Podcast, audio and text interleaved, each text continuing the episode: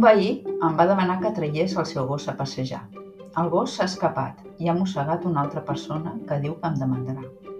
Hauré de pagar jo els danys o el meu veí, propietari del gos?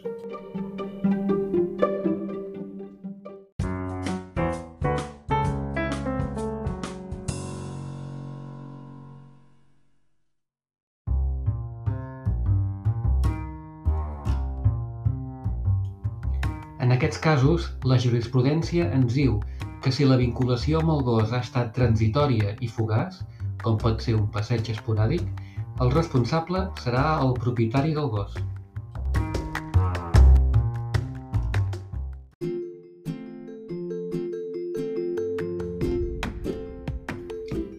Truqueu o envieu un WhatsApp a Torres Advocats 667 321 222. Gràcies. Bye.